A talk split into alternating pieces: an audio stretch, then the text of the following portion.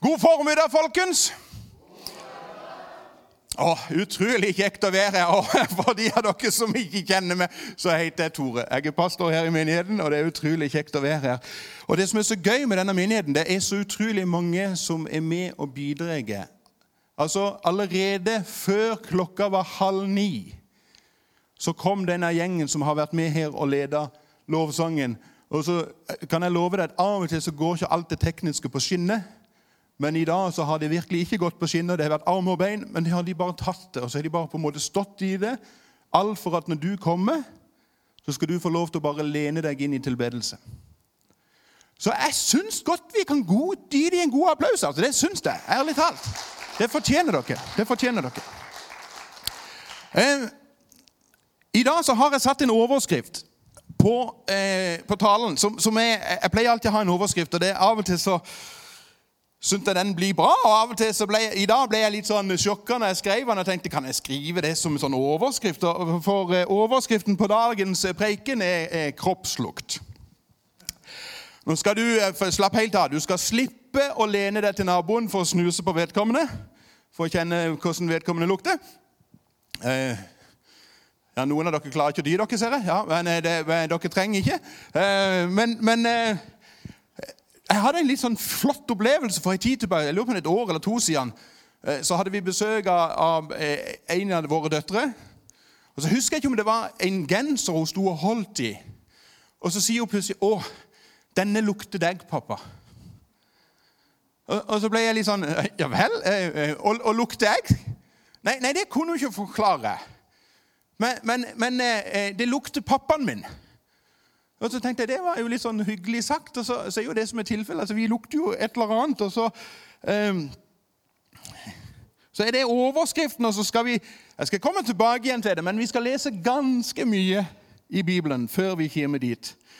Og Hvis du er med deg Bibelen, så skal du få lov til å slå opp, for i dag skal vi mange plasser. Og Har du den på mobil, så skal du få lov til å bruke mobilen. Men eh, begynn med å slå opp i Gamle testamentet, i Salmene. Og Vi skal til vers 1 i kapittel 1. Og Der kan vi lese følgende Salig er den som ikke følger lovløs, lovløses råd, ikke går på synderes vei og ikke sitter i spotteres sete, men har sin glede i Herrens lov og grunner på Hans lov dag og natt. Han er lik et tre plantet ved rennende vann. Det gir frukt i rett tid, og løvet visner ikke. Alt han gjør, skal lykkes. Og Så hopper vi rett videre til profeten Jeremia i kapittel 17, der vi for vers 7 så kan vi lese Velsignet er den mann som stoler på Herren og setter sin lit til ham. Han er lik et tre som er plantet ved vann og strekker røttene mot bekken. Det frykter ikke når heten kommer. Løvet er grønt. Det engster seg ikke i tørketider og slutter ikke å bære frukt. Sist søndag så eh, feira vi pinse. Det var pinse da. Og da sa vi dette, at, og vi leste Da ble de alle fulgt av Den hellige ånd. Det var det som skjedde på pinsedag. Da ble de alle fylt av Den hellige ånd. Og når man blir fylt av Den hellige ånd, så begynner Den hellige ånd å gjøre noe med oss ifra innsida. Og skape noe i oss og forandre oss innenifra og ut. Og som får på en måte et utslag i måten vi er på. Paulus i Nytestamentet han sier noe interessant. Og Vi skal lese et lengre sammendrag for å få det med oss. Galaterne 5, fra vers 16, leser vi Jeg sier dere, lev et liv i ånden. Vet Før vi leser resten, jeg må bare si det. Lev et liv i ånden. Der er noen som tenker å, det å leve et liv i ånden det er litt sånn og det er litt sånn svevende. Så det hender jo av og til noen sier ja, han der er jo himlende åndelig. Og så er det ikke akkurat positivt menet. Og de, og de, de ser ned litt sånn snodig på deg og tenker at dere er noen rare folk. Men det å leve i ånden er absolutt ikke noe som er noe svevende eller noe som virker sært. eller noen ting. Å leve i ånden handler om at vi er skapt som mennesker til å leve i relasjon med Gud. Altså denne relasjonen som faktisk ble ødelagt i Edens hage med Adam og Eva, og som Jesus oppretta igjen gjennom sin død og oppstandelse, og som fikk sitt store på en måte, gjennomslag med pinsen, med at relasjonen bokstavelig talt flytter inn i oss. Så det å leve i ånden betyr med andre ord å leve i daglig relasjon med Gud, med Jesus, ved Den hellige ånd. Altså, Jesus vandra jo, levde jo i ånden, og han var tiltrekkende. Det var jo ikke folk som sprang rundt og sa ja, en veldig åndelig fyr. han er veldig sær, veldig sær, Jeg vet ikke om jeg vil henge med han. Altså, De sprang jo som, altså, som flue til fluepapir. Altså, Folk ble jo tiltrukket av han. Så det å leve i ånden er ikke noe sært opplegg. Det er ikke noe svevende opplegg. Men vi kalles til å leve i ånden. Vi leser videre, og før jeg gjør det, så drikker vi litt vann. Jeg sier dere Lev et liv i ånden. Da følger dere ikke begjæret i menneskets kjøtt og blod. For kjødets begjær står imot ånden, og åndens begjær står imot kjødet. Disse ligger i strid med hverandre, så dere ikke kan gjøre det dere vil. Men blir dere drevet av ånden, er dere ikke under loven. Det er klart hva slags gjerninger som kommer fra kjødet. Hor, umoral, utskeielse, avgudsdyrkelse, trolldom, fiendemskap, Strid, sjalusi, sinne, selvhevdelse, stridigheter, splittelser, misunnelse, full festing og mer av samme slag. Jeg har sagt det før, og jeg sier det igjen. De som driver med slikt, skal ikke arve Guds rike. Og så kommer det som vi skal ha mest fokus på. Men åndens frukt er kjærlighet, glede, fred, overbærenhet, vennlighet, godhet, trofasthet, ydmykhet og selvbeherskelse. Slike ting rammes ikke av loven.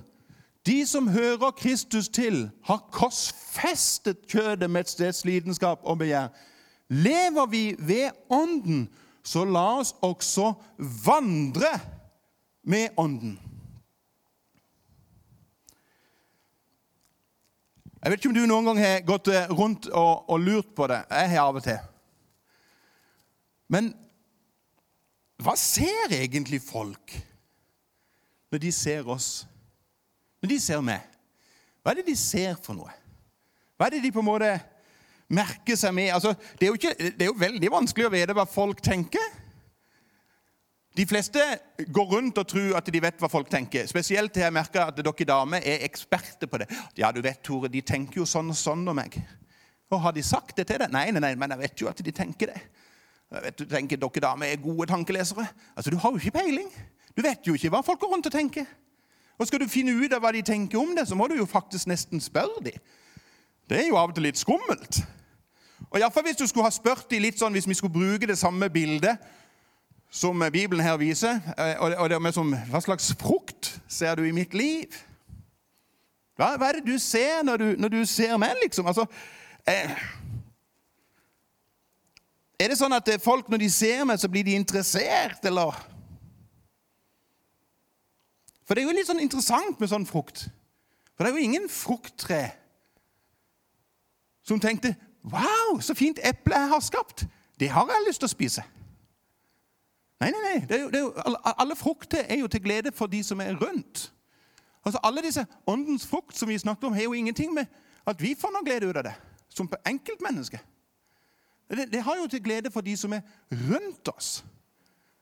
Og Derfor er det jo litt sånn interessant å spørre hva er det de faktisk opplever av oss. Altså, Hva er det de merker? Er det sånn at når de møter oss, så sier, du, så sier de om deg eller meg, og så sier, du, sier de at eh, du er så kjærlig.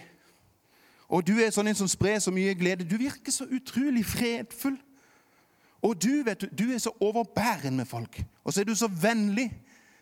Og så merker vi din godhet. Og så stoler vi veldig på deg fordi du er så trofast.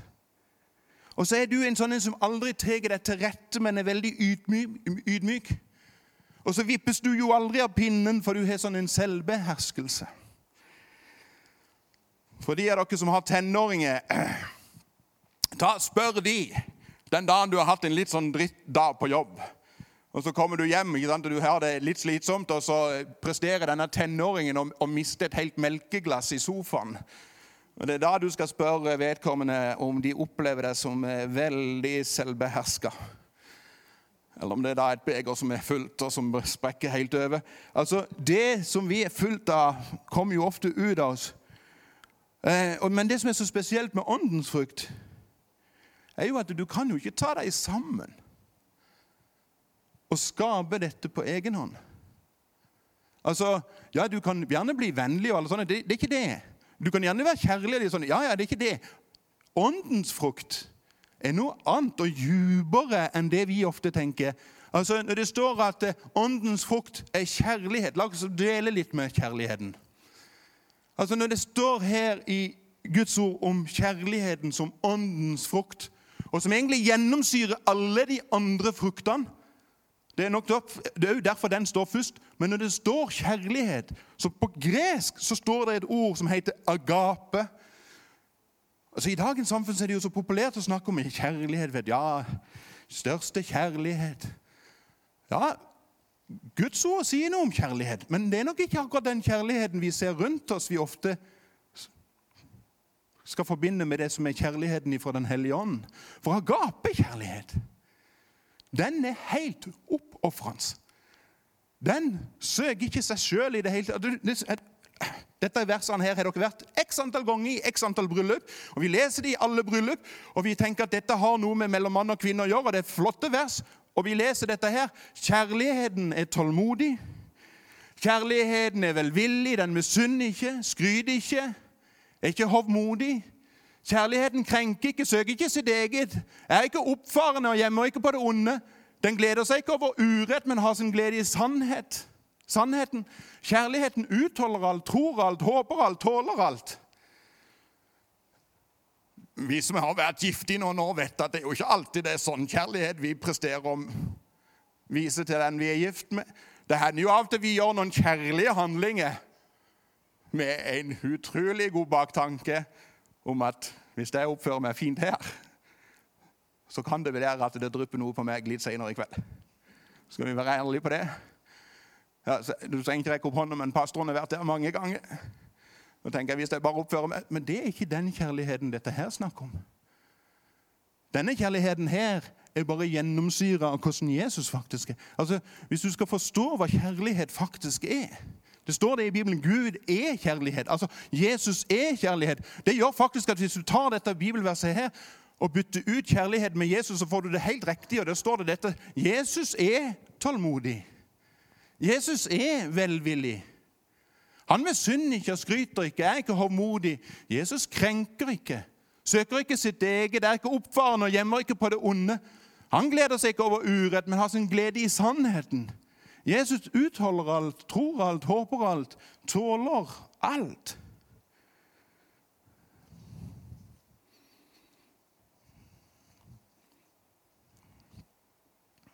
Det er Den hellige ånd egentlig ønsker å gjøre i våre liv, med å skape frukt, sin frukt i oss, er jo å skape en Kristus-likhet. At vi ligner mer og mer på Jesus. Har du noen gang opplevd å møte noen sånne mennesker? Jeg har opplevd det noen ganger. Der det er sånn at Når de har vært innom, så er det sånn at jeg har tenkt etterpå Hadde jeg Jesus på besøk? Det ble et sånt Jesus-nærvær som ble så ekstremt sterkt at det var sånn at du følte at det var en sånn hellighet som kom inn. Det er det Den hellige ånd ønsker. Når han står at han ble utøst over oss, og han flytter inn i oss og tar bolig i oss og ønsker å skape frukt i våre liv, så er det Kristus likhet han alltid søker etter å få fylt oss med. Og Hva var det vi la oss i starten? Han er lik et tre som strekker røttene mot vann. Den personen som på en måte hele tida ønsker at Den hellige ånd skal få lov til å forme, han er som et tre som strekker sine røtter mot vann, der han finner noe livgivende. Så hvem er det som er sagt i Guds sitt ord at 'jeg er det levende vann'? Jo, det er jo Jesus. Det er jo han som måtte alt kommer ut ifra, som gjør at det, formes noe nytt i våre liv. Alt som kommer fram av åndens frukt i vårt liv, som er til glede for andre rundt dere, det kommer jo ut ifra livet i sammen med Jesus.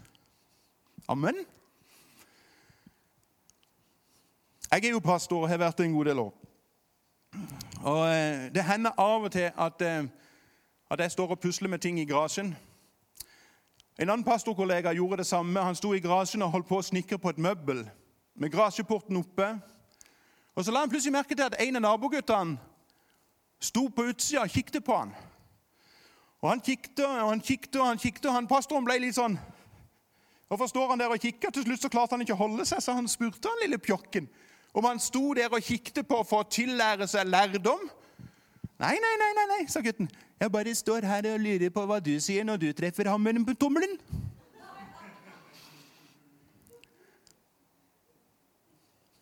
Da jeg gikk eh, på videregående skole, så gikk jeg et par år i Grimstad.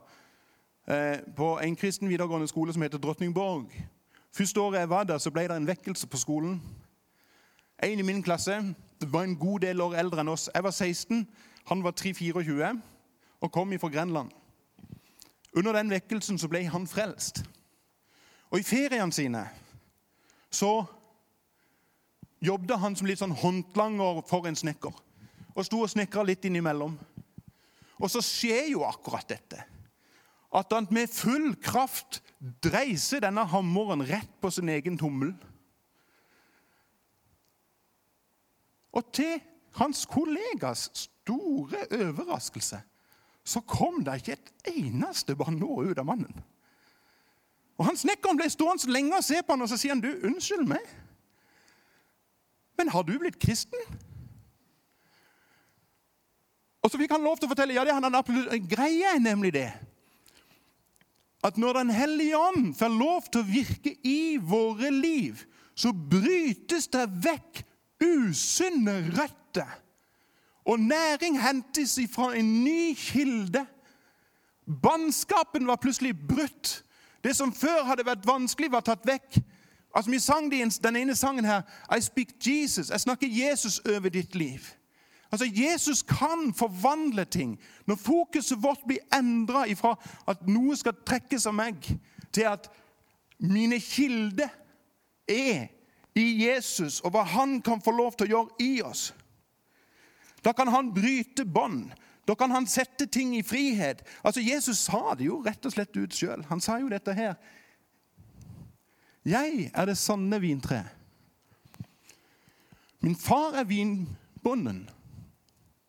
Hver gren på meg som ikke bærer frukt, den tar han bort.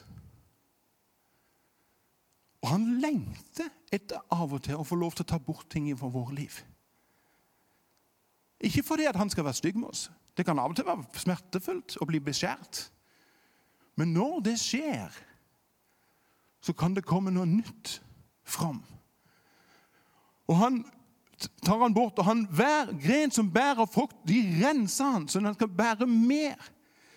Dere er alt rene på grunn av det ordet jeg har talt til dere. Bli i meg, så blir jeg i dere. Slik som grenen ikke kan bære frukt av seg selv, men bare hvis den blir på vintre. Slik kan heller ikke dere bære frukt hvis dere ikke blir i meg. Jeg er vintre, dere er grenene. Den som blir i meg og jeg i ham, bærer mye frukt. For uten meg kan dere ingenting gjøre. Jeg har lyst til å si fortsett å drikke av livets vann. Fortsett å ta til deg ifra Guds ord. Les det, lytt til det. Vær en som strekker ut sine hender rundt de som er rundt deg til de som trenger hjelpende hånd. Vær den som går noen ekstra steg med de som trenger å bli godt med i en vanskelig tid. Fyll deg med bønn, med lovsang og tilbedelse. For da, når vi gjør det, da blir vi lik et tre som er planta med vann og strekker røttene mot bekken. Det frykter ikke når heten kommer. Løvet er grønt, det engster seg ikke i tørketid og slutter ikke å bære frukt. Jeg har alltid sagt det når jeg har hatt undervisning for folk rundt forbi i Norge.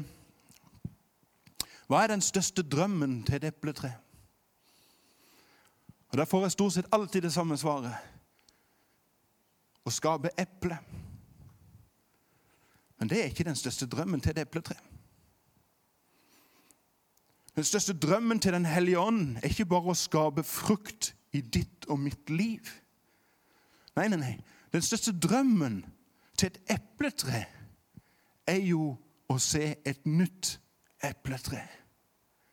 Den største drømmen for Den hellige ånd er at den frukten som han skaper i ditt og mitt liv, er med på å gi et nytt menneske muligheten til å se Jesus, til å ta imot frelsen og bli forvandla innenifra og ut. Jo mer vi søker inn mot Kristus, jo mer likhet vil vi bli av Han. Og jo mer sannsynlig er det at de som er rundt oss, kan se hvem Jesus er. Så la oss være noen sånn åndsfylte mennesker.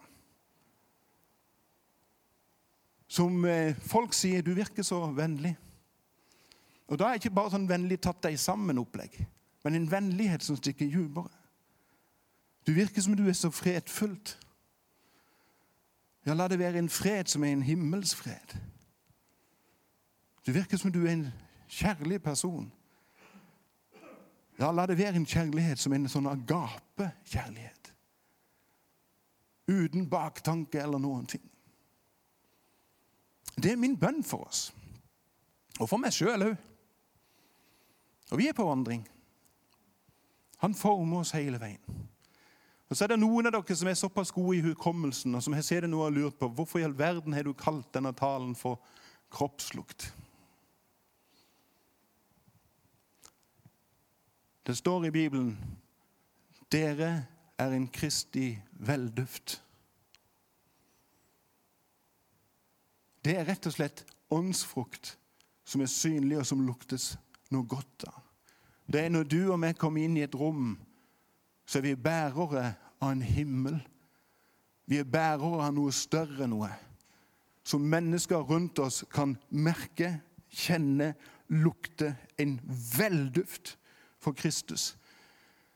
Og Nå skal jeg se på klokka og så tenker jeg at vi har god tid.